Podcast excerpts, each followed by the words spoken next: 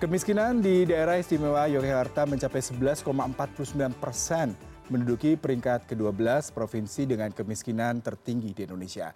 Dan sudah bersama saya melalui sambungan virtual Beni Suarsono, Kepala Bapeda Daerah Istimewa Yogyakarta. Selamat pagi Pak Beni, salam sehat Pak.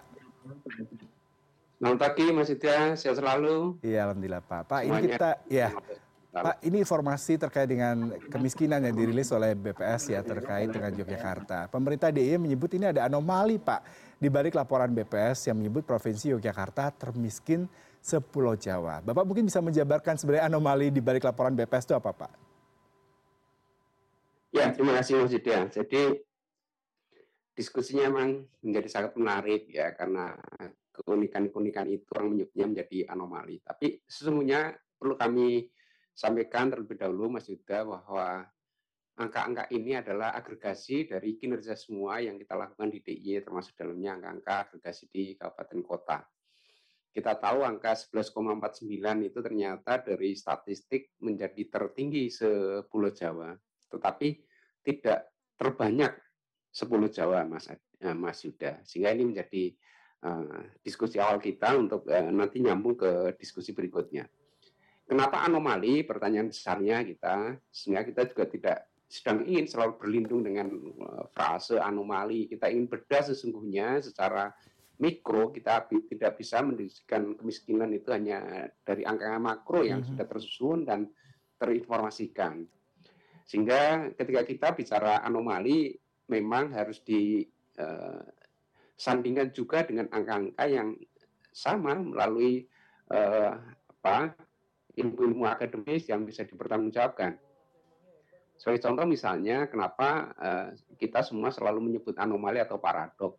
Pada sisi angka kemiskinan 11,49 sebetulnya sesungguhnya naiknya sangat tajam adalah antara bulan Maret 2022 ke September 2022. Maret 2022 angkanya sudah di angka 11,34 naik menjadi 11,49 dibandingkan year to year September 2021 ke September 2022 sebenarnya sudah terjadi uh, penurunan secara signifikan. Tapi angkanya tetap masih tertinggi 10 Jawa ya, tidak terbanyak Mas Yuda. Hmm.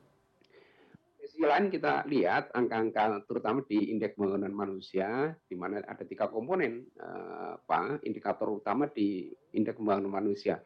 Pertama soal bagaimana DIY me membangun uh, kesehatan ya ukurannya satu kan kesehatan. Bisa dilihat kesehatan dari angka atau indeks usia harapan hidup, di mana usia angka harapan hidup di DIY adalah tertinggi atau terpanjang semasa uh, sekarang ini gitu dengan 75 koma rata-ratanya begitu. Kemudian dari indeks yang kedua adalah soal kesehatan. Ya, soal eh, tadi soal kesehatan. Yang kedua adalah soal pendidikan. Pendidikan usia harapan rata-rata lama sekolah dia adalah 15 koma, artinya setara dengan diploma 3. Harapan sekolahnya 9 koma. Uh, yang memang harus kita akui bersama adalah soal ekonomi. Jadi dari indikator utama, utama indeks pembangunan manusia adalah soal ekonomi. Ekonomi adalah daya beli, di mana ukuran-ukuran yang termuat di dalam statistik itu adalah bagaimana pengeluaran dan asupan uh, apa namanya makanan yang uh, dinikmati oleh seseorang sehingga diukur menjadi statistik yang sekarang kita ketahui. Mm-hmm. Ini angkanya menjadi ekstrim. Berikutnya kemudian dari indeks desa membangun, ya indeks desa membangun ini uh, mencirikan bahwa pembangunan di desa yang memang konotasinya miskinnya lebih tinggi dibanding perkotaan yang selama ini kita kenal, itu indeks pembangunan desanya di DI tidak ada lagi desa ter, sangat tertinggal, tertinggal ataupun bahkan berkembang. Semuanya pada kategori maju dan mandiri. Sementara dari indeks yang lain kita bisa melihat indeks uh, kebahagiaan hidup, kemudian indeks kesejahteraan dan seterusnya.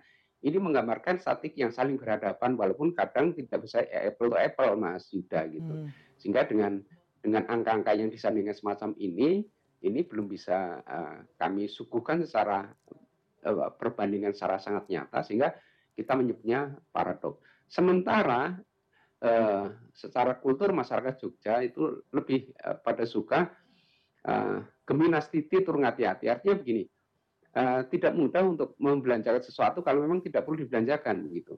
Kemudian hal-hal yang lain yang menjadi investasi masyarakat itu belum ter, termunculkan di dalam perbandingan ketika seseorang dinyatakan oh kenapa tidak belanja gitu atau kenapa tidak beli sementara dia punya investasi uh, apa namanya berasnya mengambil sendiri di uh, apa namanya di sawah kemudian uh, sayurannya bisa diambilkan di kebun dan seterusnya. Ini kan yang kita sebut dengan investasi. Kemudian berikutnya uh, karena cirinya tadi harapan lama lama sekolahnya itu menjadi terbaik begitu orang menginvestasikan untuk pendidikan. Sehingga kalau kita melihat dari sisi asupan makanan dan pengeluaran memang tidak bisa dilihat dari bagaimana dia mengeluarkan dan bagaimana dia menjadi uh, asupan di dalam ukuran-ukuran itu. Mm-hmm. Ini Mas ya. Yuda yeah. yang mungkin diskusi awal mm-hmm. bagaimana kita memandang sekali lagi angka ini adalah angka yang menjadi trigger kami melihat lebih jauh secara mikro sebetulnya kalau kita sebutkan pada kalau kita dulu bahasanya ada bahasa statistikanya namanya desil kalau sekarang sudah harus membaca presentil artinya kedalaman dan keparahan itu P1 P2 menunjukkan karakter perbaikan atas menurunnya gap antar wilayah ya antar wilayah mm -hmm. kalau mm -hmm. saya nyebut Mas Yudha misalnya di DIY itu kan ada empat kabupaten satu kota gitu yeah.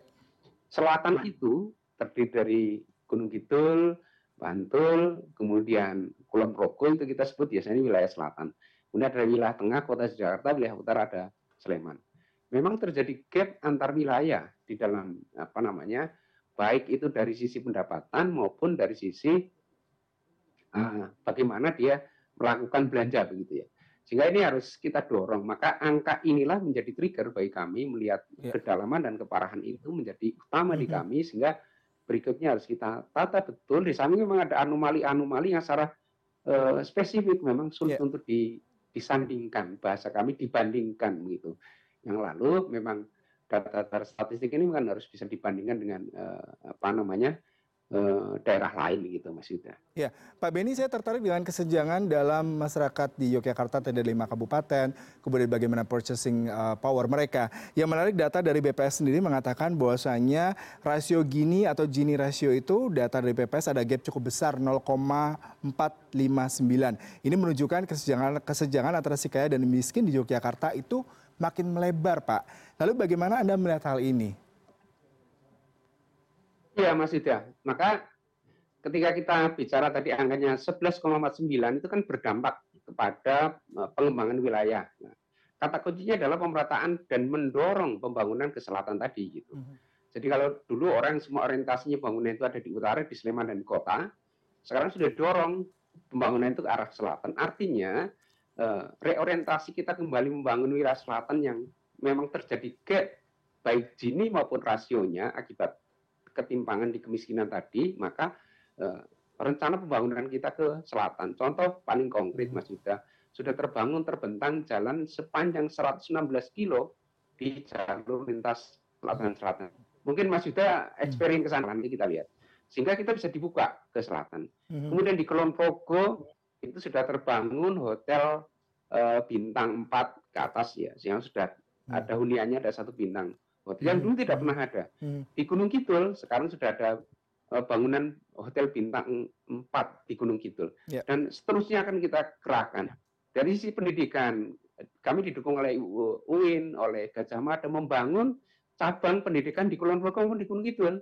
Supaya apa? Persebaran itu lalu nanti anak belajar mahasiswa itu bergeser dari dulu orientasi selalu ke utara di Sleman dan di kota bergeser ke selatan supaya apa bisa mengurangi gap antar wilayah tadi mm-hmm. karena wilayah selatan itu kalau sederhananya kan jarang melihat tulisan sale-sale ya mas gitu ya sel gitu maksud saya gitu sel diskon up sekian yeah. gitu tapi di utara kan marak sekali sehingga mm-hmm. itu tumbuh kan Baik. sementara di selatan pergeseran uang itu dilakukan dengan pertukaran barang begitu punya pisang ditukar sayur punya sayur ditukar beras dan seterusnya begitu sehingga tidak terlihat adanya sirkulasi ekonomi yang bentuknya uh, uang yang bergulir begitu bila dibandingkan uh, wilayah tengah dan selatan Mas Yuda. Iya.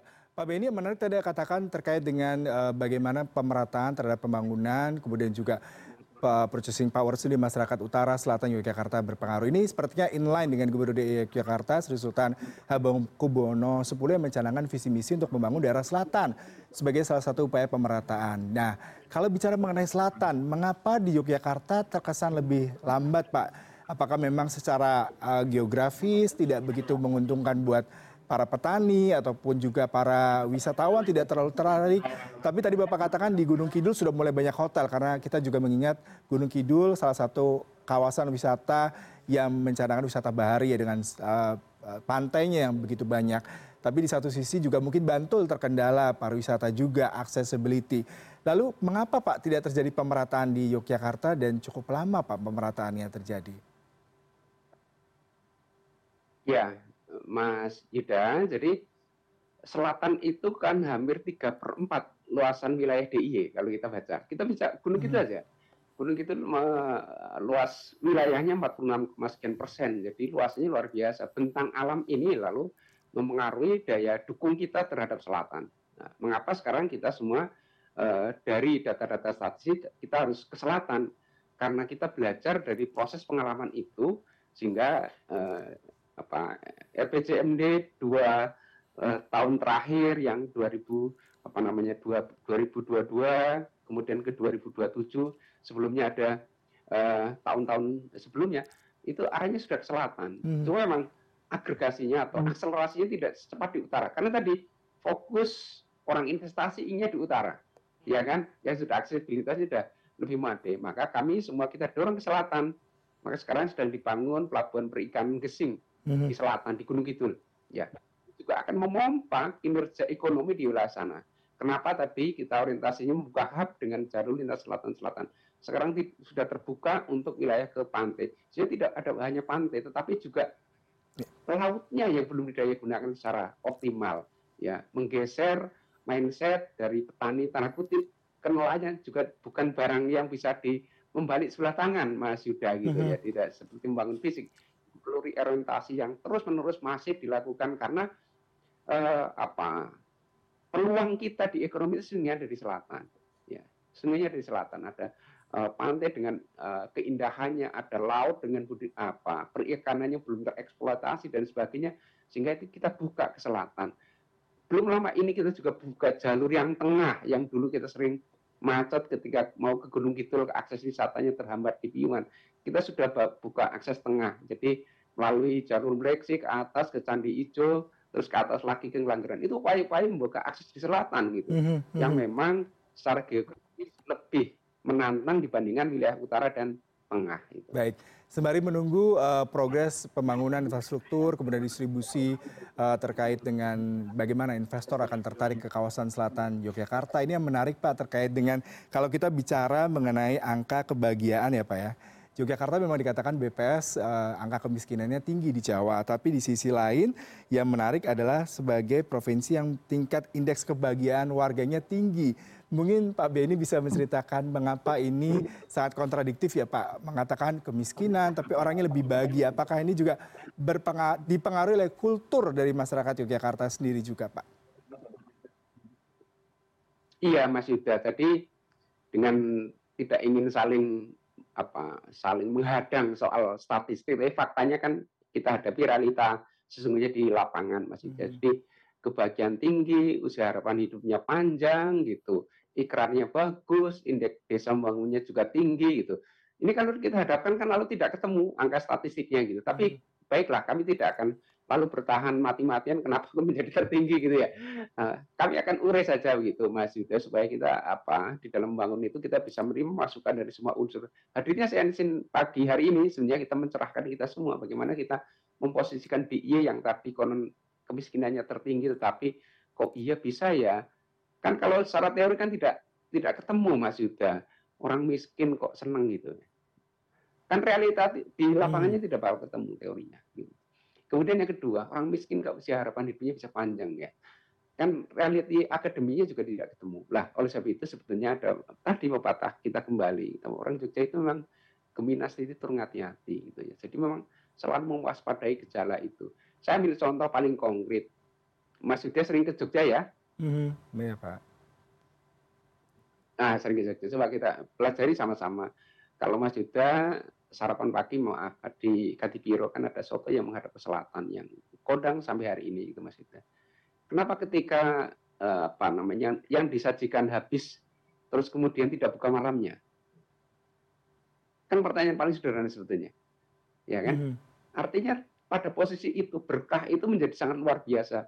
Sekali lagi kami tidak sedang menutup nutupi perkara orang Jogja itu mudah mudah bersyukur begitu tidak tetapi ini memang fakta di lapangan yang kita hadapi Mas Yuda. Yeah. Sehingga uh, realita angka itu kami dorong pembangunan ke selatan. Tidak hanya ke selatan, kami harus dukung dengan keniscayaan teknologi informasi. Ya. Kemudian di mana letaknya? Ada di kelurahan. Maka kami akan dorong reformasi birokrasi kelurahan dan reformasi uh, apa namanya masyarakat yang ada di kelurahan. Bentuknya apa? Pemberdayaan yang harus kita lakukan. Dan nanti akan segera kami rilis Mas Yuda uh, kemiskinannya ekstrimnya yang memang tidak mungkin kami lakukan pemberdayaan.